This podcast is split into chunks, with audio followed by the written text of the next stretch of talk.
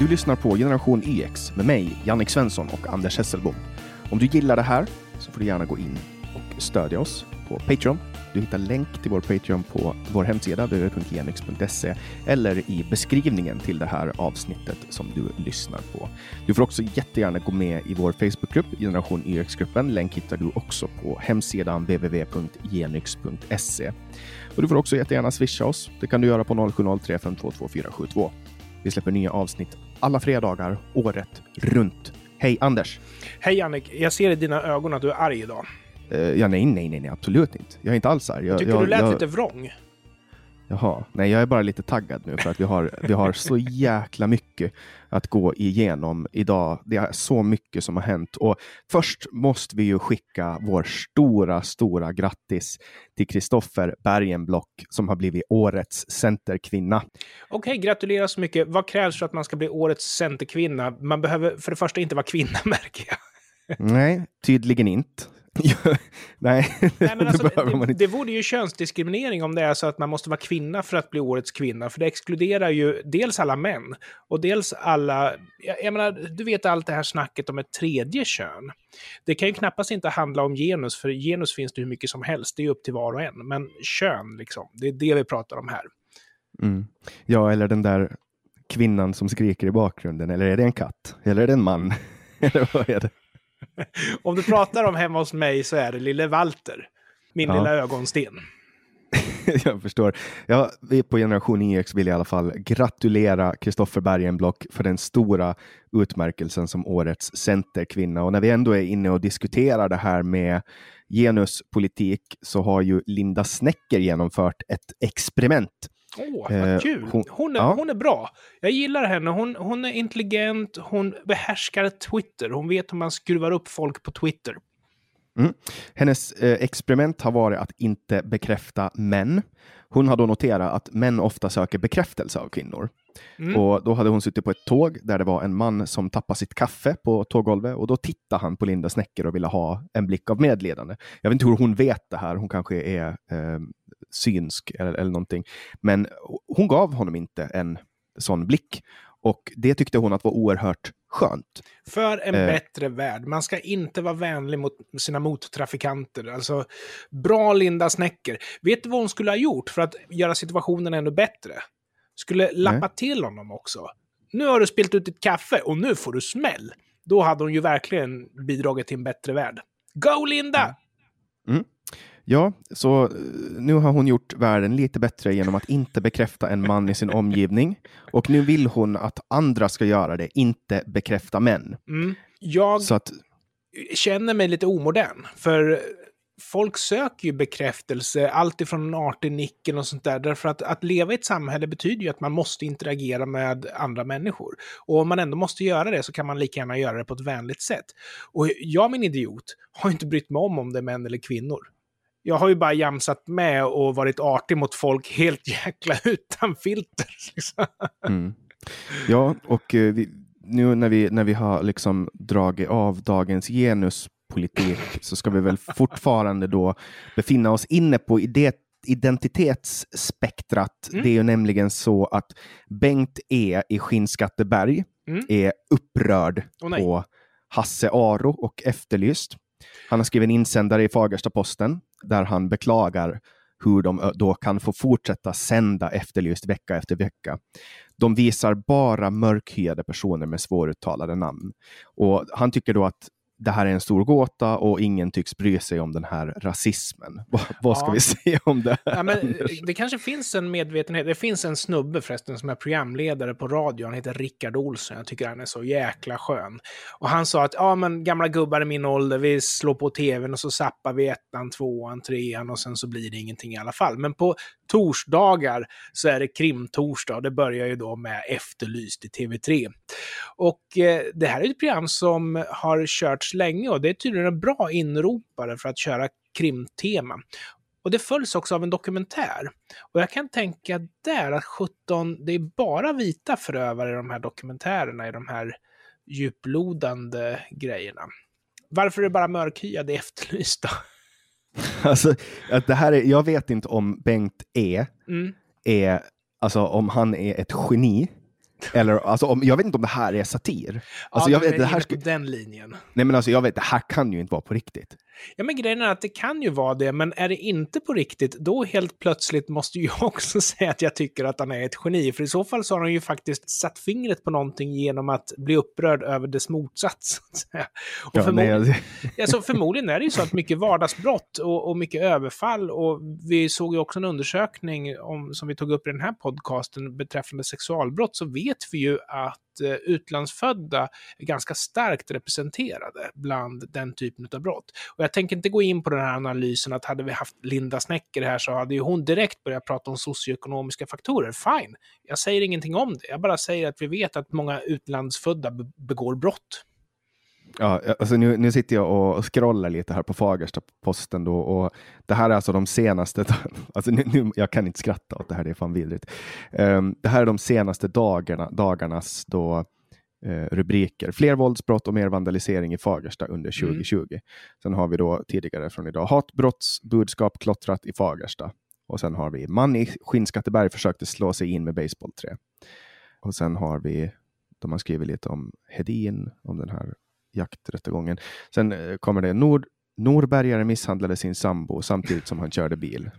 Drogpåverkad förare stoppad i Fagersta. Man hade amfetamin i snusdosan. Anställd på förskola fick hotbrev. Fagerstabo hotade hustrun framför parets barn, dömdes till fängelse. Drogpåverkad man körde fyrhjuling. Kvinna försökte smita från trafikolycka. Det känns som att ja, alltså, de inte gör så mycket annat i Fagersta än att skriva om, om brott. Är du säker på att Fagersta-Posten inte är en satirsida eller tidning? Det är lite grann som Grönköpings Dagblad eller något sånt där. Jag kan säga på en gång. Fagersta, Fagersta-Posten är en dagstidning som getts ut sedan år 1938. Vi bevakar Fagersta, Norberg och Skinnskatteberg som finns som papperstidning, e-tidning, sajt, app, nyhetsbrev och sociala medier. Deras ansvariga utgivare heter Julia Engström. Nej, det här är på riktigt. Ja, jag klickade faktiskt in på länken och kan säga att jag känner igen layouten. Det är ju samma koncern som min lokaltidning också. Men det beror lite grann på vad man har för eh, liksom, profil på tidningen. För min lokaltidning den skriver ju helst om hur dåliga politiker är som inte är är ännu mer socialistiska. Men du har ju tidningar som har liksom händelsenyheter, det är deras grej. Woho! Och eh, den här Bengt från Skinnskatteberg, det var ju en insändare. Ja, det var en insändare, men alltså, frågan är, är han satirisk? Alltså skojar han eller inte? Det är svårt att veta. En annan sak där jag funderar på om det här var skämt, jag måste kolla verkligen om det här är sant, det är på SVT Nyheter. Linus hade munskydd i skolan, skickades hem. Så ah. 13-åriga Linus hade på sig ett munskydd för att han, han vill då efter sportlovet så ville han ha munskydd på sig just för att minska smittspridningen och så vidare. Det som händer är att mm. han fick inte bära det. Och när, när han vägrade ta av sig det så satte de in honom i ett rum där han fick sitta tills hans mamma kom och hämtade honom. Det här skedde alltså på Internationella Engelska Skolan i Stockholm. Någonstans. Hade inte mamma bidragit till att han skulle ha munskydd? Hon lär ju ha varit med i diskussionen och kommit fram till att jo, men det är nog bra om du har munskydd. Det vet jag inte, men det, det är hans beslut, säger ja. han då i det här inslaget. Ja, helt oavsett så kan jag tycka att man slits ju mellan det här att eh, Lena Hallengren har ju alltid sagt att vi ska ha... det skulle jag inte sagt just när du drack kaffe, jag vet så mycket om ursäkt. Munskydd. Och, och, å andra sidan så har du det här att eh, när Donald Trump inte hade munskydd, då var man ju liksom rasist om man inte hade det. Men i Sverige vet vi bättre. I Sverige förstår vi att man måste ha en lång gedigen utbildning som endast finnar och eh, danskar och norrmän kan ta till sig av för att munskydd ska hjälpa. Annars är det snarare att förvärra. Och det var väl kanske den här sista talepunkten då, som de hade tagit fasta på i den där engelska skolan. Då. Ja, de säger ju då, så Region Stockholm uppmanar i slutet på februari eh, att mm. man ska använda munskydd i kollektivtrafiken i vissa inomhusmiljöer. Ja. I butiker, affärer och arbetsplatser, men inte i skolmiljö. Och det här har då eh, Maria Rotsén Östlund som är smittskyddsläkare i Region Stockholm meddelat i februari.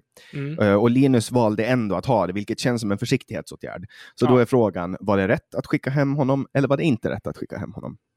Nej, men det är väl klart att det är fel att skicka hem honom, för skolplikten gäller ju elever med munskydd. Mm. Ja, jag, menar, jag, jag håller med. Ja, ja, definitivt. Apropå Hallengren så får jag ju säga till hennes försvar att... Ha, Hala Hallengren? Ja. Kan, många... du, kan du från och med nu kalla henne för Hala Hallengren? Ja, men det gör jag gärna. Hon är hal hon är lite falsk om jag ska vara helt ärlig. Och eh, lite hennes falsk. försvarare... Det, ska, det, här är ju förtal, ja. Du kan ju inte säga att hon är falsk. Hon har ju alltid sagt att vi ska ha munskydd, använda det som det verktyg det faktiskt är, eller som ja. den utrustning det faktiskt är. Eller och vilken bisats hon nu tillvara på. Ja, jag skulle säga speciellt hennes försvar säger att hon har visst aldrig sagt att man alltid ska ha munskydd. Därför att det hon sa var att jag har alltid sagt att man ska ha munskydd så som man har i vården. Och genom att lägga på den här bisatsen så som i vården, då är hon tydligen oskyldig. Jag inser ju hur långt ifrån mitt språköra är hela vänstersidans språköra. Ja, nu när vi är inne på identitetspolitik så måste vi också prata om SVTs analys. De kallar ju det för analys, alltså det är deras krönikor. Mm. Eh, deras ledarsida är det ju faktiskt, om man ska vara helt ärlig. Tittar man ja, på innehållet kallar... så är det en ledarsida. Ja, de kallar det för kulturnyheter. Bullshit. Ja, ja, de kallar det för det, men det är bullshit. Ja. ja, men de är i alla fall jätteglada för att i Hollywood så har man nu slutat ha så jättemycket vita. Eh, mm. Det kallas Alltså, han, han, han, Fredrik är då jätteglad för att man Alltså det, han tycker då att det är slående att nomineringarna reflekterar branschens nya prioriteringar. Då. Och så här skrev han, Oscarsgalan har historiskt varit en vit korvfest, men ja. efter metoo och Oscar So White och andra rörelser som jobbat för jämställdhet och representation har den gamla kolossen baxats in på en ny kurs. Mm.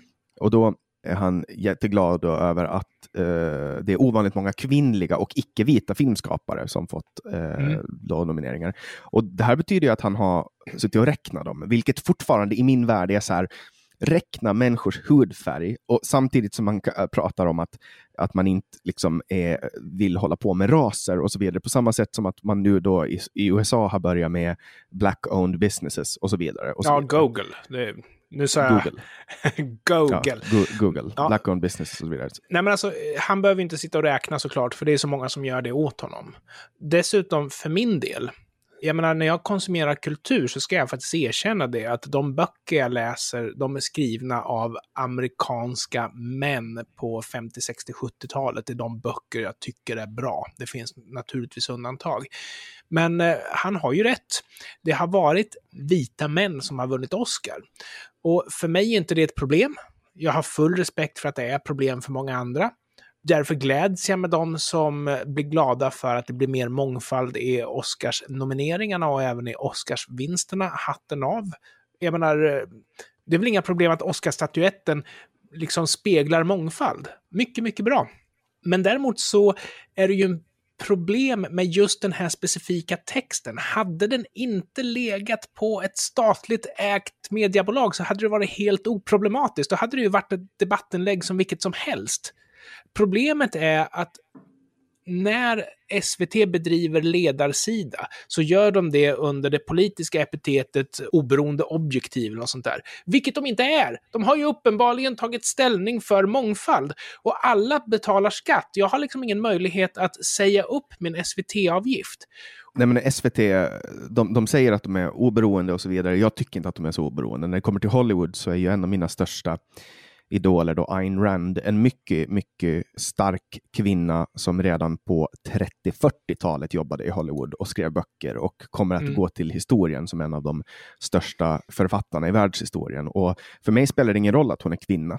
För mig spelar det ingen roll att hon är ryss. Jag tycker om det hon har producerat. Nej, men jag tror det kan ju vara så att den här killen som har skrivit den här haveritexten i SVT kanske inte heller bryr sig personligen. Han kanske bara har en, precis som jag, en glädje över att få se mångfald här. Och grejen är att den glädjen får han ju gärna dela med sig av på en insändare eller på Aftonbladets ledarsida eller whatever. Jag tycker inte att staten ska bedriva opinion. Därför att när staten bedriver opinion, vad kallas det för? Eh, propaganda. Korrekt. Ska vi verkligen betala för det? Jag tycker inte. Nej, det, vet det här är väl kanske den mest public service-kritiska podden i hela Sverige. Ja, jag alltså för att det, det enda vi gör, det enda vi gör är att prata om public service. Och mm. därför tänker jag passa på, före vi går in på universiteten och deras klandervärda eh, förgiftning av den fria samhällsdebatten, så kan vi gå in och prata lite om Sveriges Radio som har en jättebred reklamkampanj i bland annat TV4 mm. och på Youtube. Och syftet är att hitta nya lyssnare. budgeten, den är hemlig.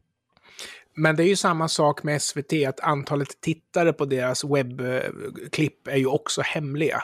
Och det där är konstigt att jag som ändå äger skiten, jag som ändå äger Sveriges Television och Sveriges Radio. Förvisso via en stiftelse, förvisso via regeringen, men det är ändå mina pengar vi pratar om här. Jag har ingen insyn. Och det är ju bara ytterligare ett argument för att vi ska ha privata företag till att producera media, därför att där har vi insyn på pengarna. Det finns inget sätt för dig att driva ett företag i Sverige, ett aktiebolag i Sverige, och sen hymla med vilka pengar du rör dig med. Men för staten går det alldeles utmärkt att göra det. Mm. Och, men, men på vilket sätt är det rimligt att Sveriges Radio, som har så mm. sjukt mycket pengar och så stor plattform, ska gå in i andra plattformar ja. för att hämta nya lyssnare. Och dessutom så är det så att Sveriges Radio har så jäkla mycket reklam i sina radiokanaler. Det är reklam ta med tusan hela tiden. Men reklamen handlar om att de är bättre än privat media. Reklamen handlar om att de inte har reklam och så vidare.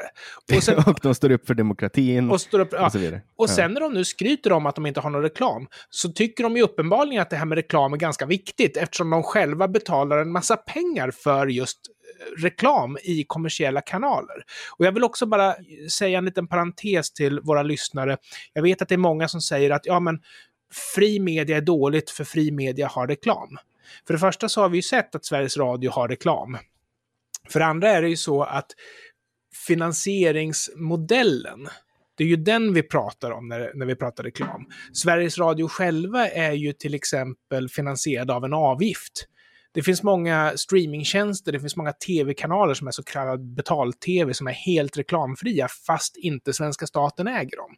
Så den här kopplingen mellan att, ja men, vi måste ha statskontrollerad media för annars får vi se reklam. Det är inte sant.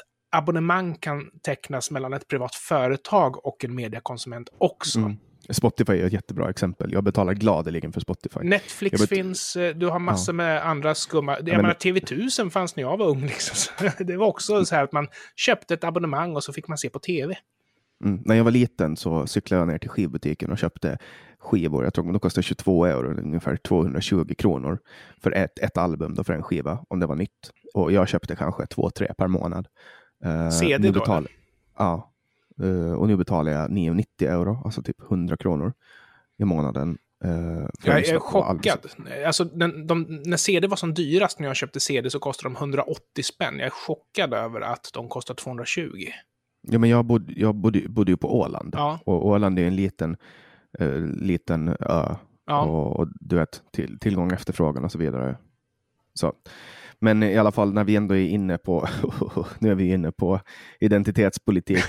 det har ju varit, ja, men det har ju varit lite på Malmö universitet har det varit lite ramaskrid och där då en filmprofessor, Maria Larsson, haft en gästföreläsning om sexuella stereotyper. Mm.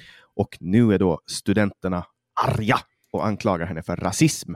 Så det som, det som har hänt var att en grupp studenter vid masterprogrammet i sexologi vid Malmö universitet har vid flera olika tillfällen då varit arga för att utbildningen inte är tillräckligt normkritisk och har tillräckligt mycket postkoloniala perspektiv. Mm. Och då kallar de att det, de är arga för att man använt n-ordet och så här. Och, och den här professorn då, Maria, har velat eh, chockera för att visa på allvaret med stereotyper. Mm.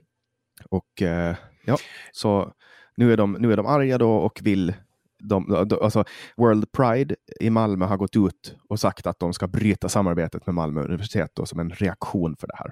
Ja, och det där är lite sorgligt, för jag vet också att vi har exempel i Örebro där en professor har använt n-ordet inför sina studenter i syfte om att prata om själva ordet. Och i det här fallet så undrar jag om det inte var DN eller kanske var Expressen också som publicerade några bilder som den här eh, professorn hade eh, visat upp. Och det var ju fruktansvärda stereotyper, men för det första så var det ju bara stereotyper, det var ju bilder och för det andra var det för att tala om dem alltså tala om dem. Det var ju inte så att hon säger att oh, kolla vad knäppa kineser det är, för den här kinesen han äter is. Liksom. Det var ju absolut inte så, utan det var ju snarare så att titta hur vi spelar an på stereotyper i de här exemplen. Det som gör mig orolig här, det är att om vi nu har en ungdomsgeneration som inte bara är extremt obildad, utan som inte kan bildas på grund av att den blir kränkt när den utmanas, då har vi problem. Därför att vad är det för annan kunskap som vi inte kan leverera till den här generationen på grund av att de åberopar kränktkortet så fort man tar dem utanför sin comfort zone? Att lära sig nya saker handlar om att bli placerad utanför sin comfort zone. Ja, men det var ju exakt samma diskussion som uppkom när Johan Grant hade ett eh, experiment på det universitet han jobbar på, om det kanske var det är också Lunds universitet kanske, eller Göteborgs universitet. Det var, det var um, i höst. Nej, men förra du talar hösten. fritt ifrån minnet. Det, det är helt okej okay att göra det. Mm. Nej, men då var det också så här att man var, man var arg och man var upprörd för att uh, folk har blivit provocerade. Men man, man går ju inte till ett universitet för att, att bli klappad som en katt och myst med, utan man går ju dit för att expandera sitt sinne och utvecklas som, som människa mm. och så vidare. Och så vidare. Och, och vi har ju problem om det så att de tror att de aldrig kommer att bli utmanade om de läser. Det är ett universitet, det är ju för sjutton inte lågstadie. Alltså, nej. nej jag, vi har problem och jag tror att kognitiv beteendeterapi, det är någonting som jag tror är lite överutnyttjat i alla möjliga fall, men det är definitivt underutnyttjat när det gäller just det här att oj, jag ser en kinesisk stereotyp så nu är jag kränkt. Det är väl snarare så att lär dig se hur en stereotyp ser ut, så mm. kan du identifiera dem i framtiden. Ja, jag kan, ju, jag kan ju ta ett jättebra exempel på en stereotyp och det är Centerns partiledare Annie Lööf som eh, har gjort en riktig, riktig politikergrej. Och det här kan ni kolla upp själva. Det är ingen som har rapporterat om det här. Det finns ingen som skriver om det här, men ni kan gå in på hennes Twitter och så kan ni börja scrolla. Och så scrollar ni och scrollar och scrollar och då kommer ni att märka att det finns ett stopp efter den 23 augusti 2020. Hon har alltså raderat, all, eller hon har inte gjort det, hon har antagligen haft någon på sitt kansli att göra det, någon av sina praktikanter i Socialdemokraternas partikansli. eller så Centern, förlåt. Alltså, nu ska jag göra det här, jag ska syna dig på en gång. Ja, nej, jag, jag gjorde det precis nu när vi satt här och poddade. Eh, det finns ingenting efter den 20, före den 23 augusti. Hon har alltså raderat alla tweets. Och det här har ju, tror jag, att göra med att nu har hon bytt riktning. Hon ska ju ansluta Centern till det rödgröna blocket. Eh, ja. Eh, och de behöver inte ens byta namn på det rödgröna blocket, utan Nej. de kan fortsätta gå under det rödgröna blocket.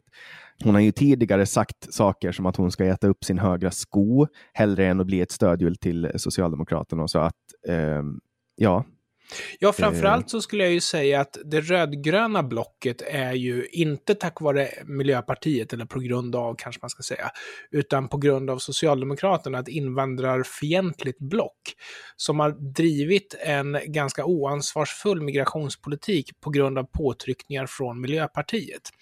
Och Annie Lööf har ju gått ut på Twitter i diskussioner och pratat om det här att kriminalitet är importerat. Så hon har definitivt bytt sida, för hon stod väldigt nära Miljöpartiet i migrationsfrågan förr, men nu har hon liksom strategiskt ställt sig ganska nära Socialdemokraterna. Och jag ska också säga att det är riskfullt att göra det. Därför att Socialdemokraterna må vara ett främlingsfientligt parti, men de har väljare som är väldigt migrationsvänliga. Och det är därför som det blir väldigt mycket blandade budskap ifrån både Löfven och Morgan Johansson. Det är att de är inte överens med väljarna här. Och, och grejen är att de är ett statsbärande parti. De har ju ett enormt ansvar för ekonomin, för konsekvenser, för kriminalitet och sådana saker. Men de har väljare som är migrationsvänliga. Så det, det är en väldigt svår situation för Socialdemokraterna. Mm, ja och det här blir ju extra jobbigt nu för Sverigedemokraterna för att nu, nu har vi ju fått reda på vad som gäller av statsministern. Ja. Eh, alltså om oppositionen får makten, då är demokratin i fara. Det har han sagt. Ja, jag tänker på att de har ju haft en slags Stefan Löfven i USA. Donald Trump.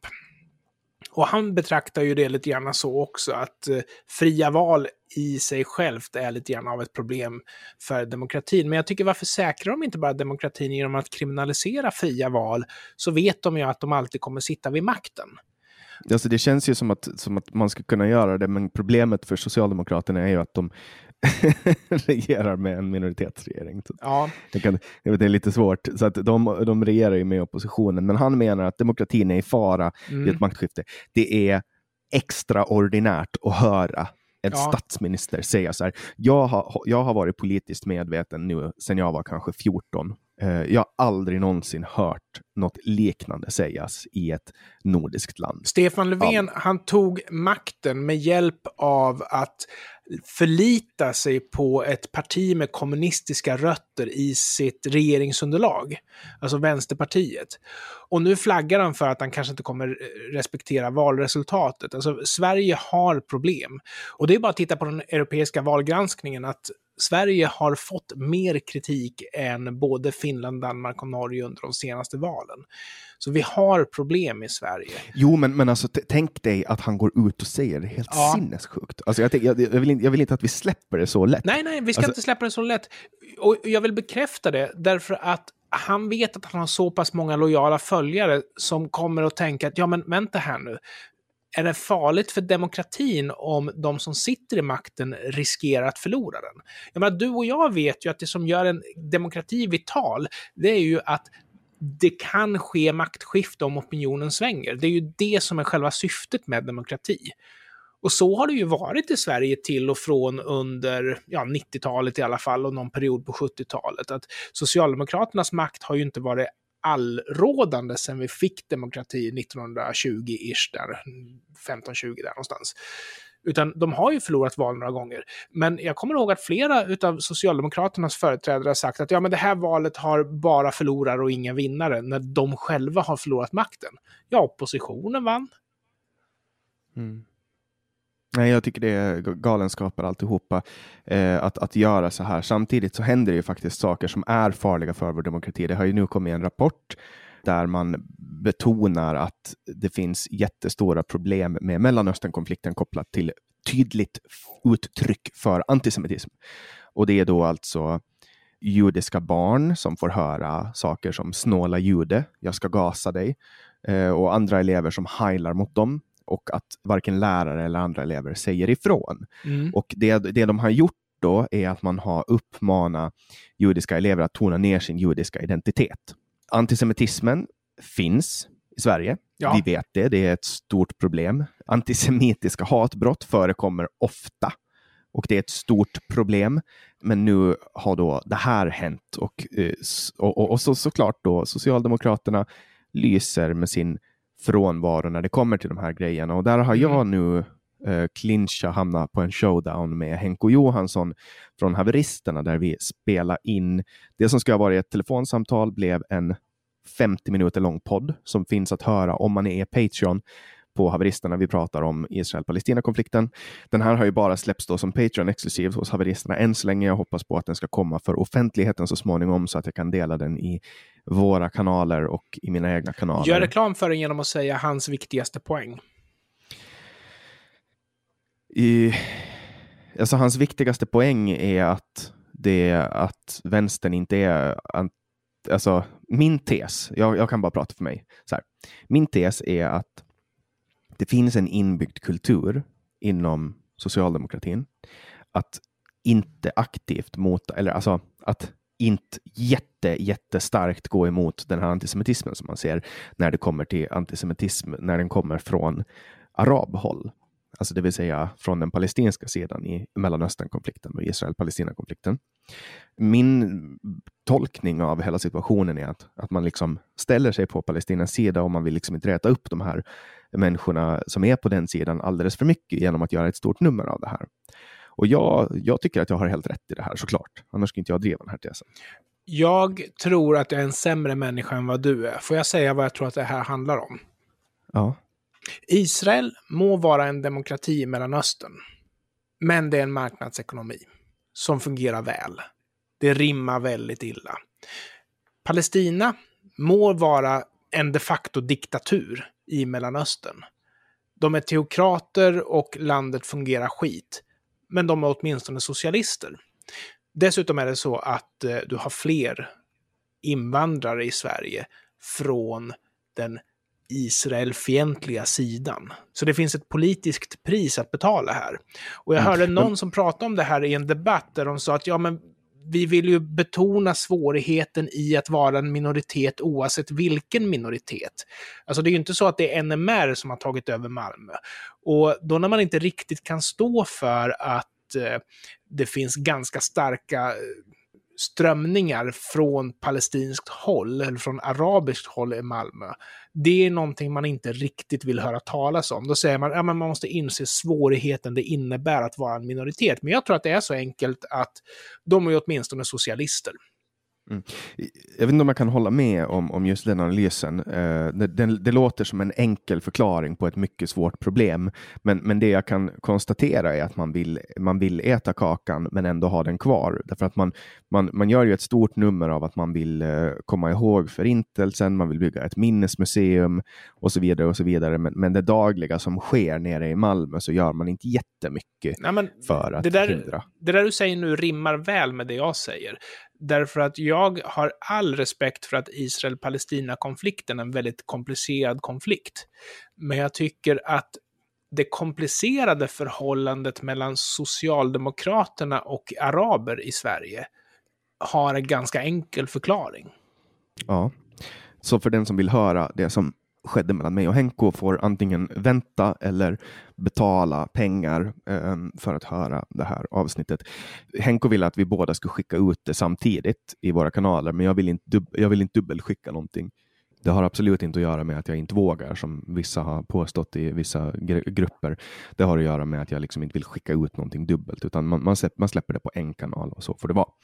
Någon som också tycker om socialism, det är Miljöpartiet eh, så, som då vill, de har en jättebra idé nu tycker de. Och det handlar om att de vill ha en högre skatt på energislukande produkter. Och det är ju så påpassligt. Lorentz Tovatts har gått till personangrepp på alla som säger att mycket elförbrukning är ett problem i samband med att de stängde kärnkraftverket. Därför att då var ju frågan aktuell. Men nu när folk har liksom vant sig med att okej, okay, vi måste elda olja och vi måste importera el när det är riktigt kallt. Nu när folk har vant sig med det, då kan man säga att ja, det är miljövänligt att inte använda för mycket. Jag kan tycka att det är smart att vara snål med el, för det är ett bra sätt att vara rädd om miljön. Men samtidigt så lever ju vi i en värld där vi faktiskt kommer att göra av med mer och mer el i framtiden. Folk kommer ha mer och mer avancerade mobiltelefoner, folk kommer köra bilar på el, folk kommer åka snabbtåg som går på el och så vidare. Och det betyder ju att vi måste ju ändå bygga upp en infrastruktur som klarar en kraftig ökning av el. I norra Sverige är inte det några problem, men i södra Sverige, där blir det ju så här att ja, man får exportera när det är tillgängligt, man får importera när det inte är tillgängligt. Vi pratar om de här krispengarna sist och så där. Och att man nu ska beskattas för att man gör av med el på grund av Alltså det, det, har ju sina skäl såklart. Lorentz Tovatts, alltså, han är en person... Jag, jag, tror att jag ser på honom som du ser på Linda Snäcker eller möjligtvis Lena Hallengren tror jag. Mm, Lena Hallengren är ju min lilla antagonist. Ja. Men, men, alltså tar vi, tar vi som exempel då som uh, eh, TT har pratat med Per Bolund mm. som då är klimatminister och, och, och språkrör. Eh, Klimatchefen klimatchef, jag vet inte fan vad det heter, men vilk, han, är, han, är någon, han, han är en miljöpartist i alla fall. Och han är också deras högsta manliga förespro, eller vad heter det, företrädare. Och då säger Tete då så här, de dagar det inte blåser och är kallt är elförsörjningen fortfarande beroende av andra energikällor än vindkraft. Och då svarar han, det finns teknik med batterier i elnätet och vätgaslager för att kunna jämna ut elförsörjningen och få ett 100% förnybart elsystem. Det säger han. Eh, och det här är ju då ingenting som är beprövat i stor skala. och, och det här, men det är bara naivitet, de är så naiva. Han vill, Nej, ja. han vill bygga ett modernt elnät, så vill han bygga en kabel till, till Gotland för att få mer havsbaserad vindkraft och så vidare. och så vidare. Det här är ju ingenting som är Alltså det, det, här är ju inte på riktigt. Mm, det är samma sak när, när de frågar honom, så här, TT frågar honom hur man ska finansiera det här. Och då menar han att den kommer inte att märkas av, notan. På det, här. det kommer inte märkas av. Och jag menar, det är ju tråkigt då att vi har folk som håller på att besvära sig med att forska på sånt här. Och eh, vi vet ja, ju... han vet ju redan svaret. Varför ska vi forska när, när han, Per Bolund vet ja, ju allt. Exakt. Redan. Nej, men titta på koldioxidutsläppen per producerad kilowattimme, eller miljon kilowattimme. Titta på antalet dödsfall per producerad eh, miljon kilowattimme. Vindkraft förlorar mot kärnkraft på varenda punkt. Mm. Är miljön viktig eller är det viktigt att det inte är kärnkraft? Det är ju frågan. Det viktiga är att det inte är kärnkraft, tror jag. Ja, det, det är tror min, jag med. Det är min analys. Jag tror att ja. det är sant. Men å andra sidan, Miljöpartiet må vara ett intellektuellt haveri, men de är det bara ett drygt år till. Ja, jag hoppas verkligen. Något annat, ett, ett annat intellektuellt haveri har skett i USA. Där man nu har, okej, okay, och håll i hatten nu Anders. Det här, det här är alltså glada rubriker i Expressen. Det står framgång för Joe Biden. För att han då har lanserat ett stödpaket. Okej, okay, försök ta in det här nu. 1900 miljarder dollar. Dollar dessutom. Ja, men jättebra. 1900 miljarder dollar. Till marknaden då, eller vem stöds? Amerikaner med en årslön på upp till 75 000 dollar kommer få en check på omkring 11 000 kronor. Varför? Eh, när man ska stimulera ekonomin. Men 4 procent kommer att gå till företag. Okej, okay, okej. Okay. Ja, och det här är då alltså eh, att skicka ut pengar på det här sättet. Det, är, mm. det finns få saker som är eh, så mycket som att kissa i sina egna byxor. Mm. som att skicka ut pengar på det här sättet. Alltså, det, det, det kan få sådana konsekvenser för marknaden, alltså sådana oerhörda konsekvenser i inflation. Alltså det är helt man, det är helt, det man, alltså, ja. Lösningen på en ekonomisk kris är inte att konsumera mera. Lösningen på en ekonomisk kris är att producera mera. Ja, lösningen är värdeskapandet. Producera mera för att det är värdeskapande. Och jag kommer ihåg en diskussion som jag hade med någon, att ja, men vad skulle du helst vilja göra, bla bla bla. Och en av de grejerna var att vinna två miljoner kronor.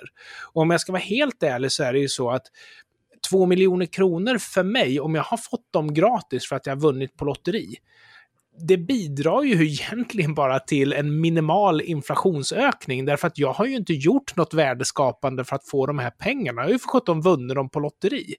Det är ju det bästa sättet att förstöra en ekonomi. Men ska man då ge mycket pengar till många så kommer det här få en betydligt större effekt. Och i USA så finns det väldigt många som har ganska låg inkomst, så det är ju väldigt många som ska ha de här pengarna då. Mm. Pengar har ju en tendens att uh, skapa konflikt. En person som har hamnat i konflikt angående pengar, det är Ebba Busch.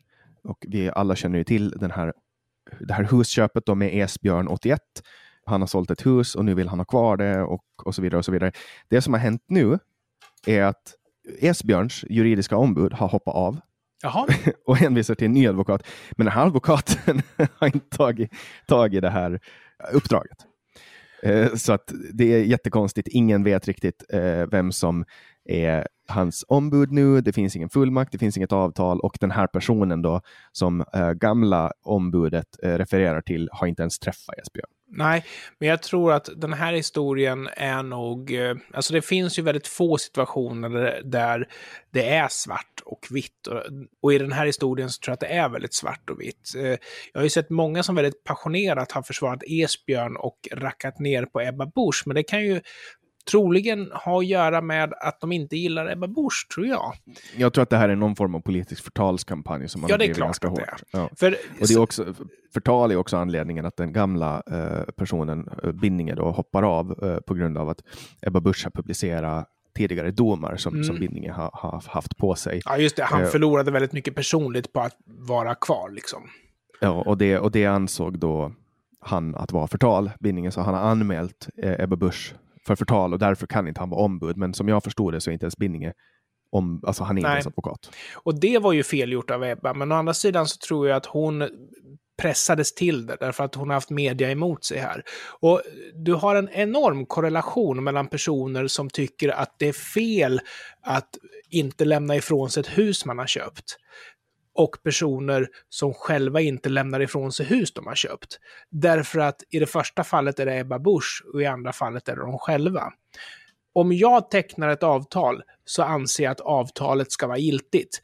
Om någon jag inte gillar tecknar ett avtal så anser jag att avtalet ska vara ogiltigt. Och där har du ungefär det intellektuella kapitalet hos Ebba Buschs fiender. Mm. Ja, mer, mer kommer ju att komma till den här garanterat. affären. Ja, garanterat. Men, men före vi avslutar idag, Anders, så vill jag ändå att vi ska toucha lite att man nu har EU vänt sig till Ryssland för att diskutera användningen av Sputnik 5-vaccinet. Mm. Mm. Eller Sputnik V kanske står för Sputnik-vaccin, jag vet inte. Men... Pass. Ja, Sputnik, kort och gott. Ja, och det som har hänt då nu också, det är att flera länder har pausat AstraZenecas vaccin eh, på grund av blodproppar. Och, och, och, först ut var väl Norge. De har haft en person inom vården som har avlidit på grund av det här.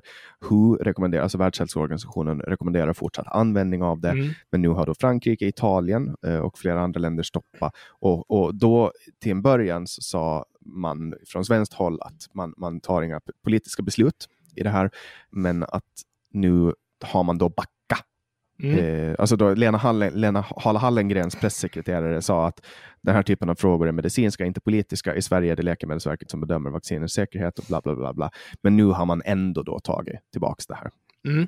vaccinet. Så nu har, nu har inte AstraZeneca vaccin. Så nu har ju regeringen fått en jättebra svepskäl för att då inte nå vaccinmålet. Det kommer ju jättebra i tiden, tänker jag, för dem det passar alldeles utmärkt. Och min personliga reflektion här det är att Sverige har ju under ganska lång tid under pandemin fattat andra beslut än sina grannländer och också fått andra resultat av sina grannländer. Och eh, det här har förklarats med att grannländerna är offer för rysstrollskampanjande. Och eh, som att vända på en hand, när Folkhälsomyndigheten pausar AstraZenecas vaccin i Sverige så anser man att nu är det Folkhälsomyndigheten som har fallit offer för rysstrollen. Och det verkar som att rätt är det som jag vill. Fel är det som jag inte vill. Det finns inte en jäkel som har kritiserat Folkhälsomyndigheten för det här som har ens har tänkt tanken att de kanske hade mera data på bordet än vad random twittrare har eller sådär. Och jag håller med om att det kanske var fel att pausa i Sverige. Men jag tror men vadå, inte... Tycker, men vadå, det är folk som är dött i blodproppar. Ja. Det är klart att man måste stoppa försiktighetsåtgärd. Jag tycker alltid att inom offentlig förvaltning ska man alltid utgå ifrån försiktighetsprincipen, så där är vi oense. Ja, men jag håller med om försiktighetsprincipen, men hade den varit relevant här så skulle ju Pfizers vaccin ha pausat tidigare, för de har också haft dödsfall och dessutom några fler per miljoner vaccinerade. Så jag tror inte att det är försiktighetsprincipen, utan det måste vara någonting annat som de vet som inte vi vet.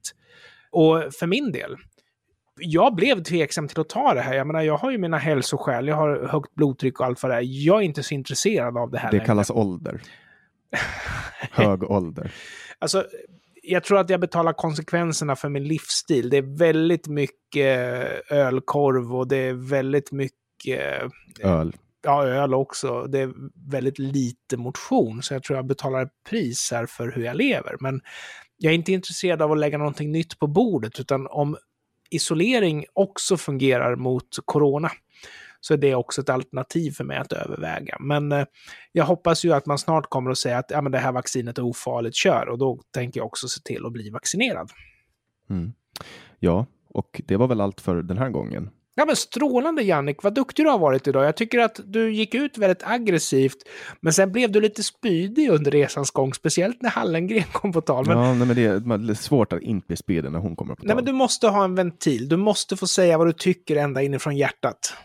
Mm, och det har jag gjort idag. Och du som har lyssnat på mig raljera och Anders babbla har lyssnat på Generation YX. Och jag heter Jannik Svensson och Anders heter Anders Hesselbom.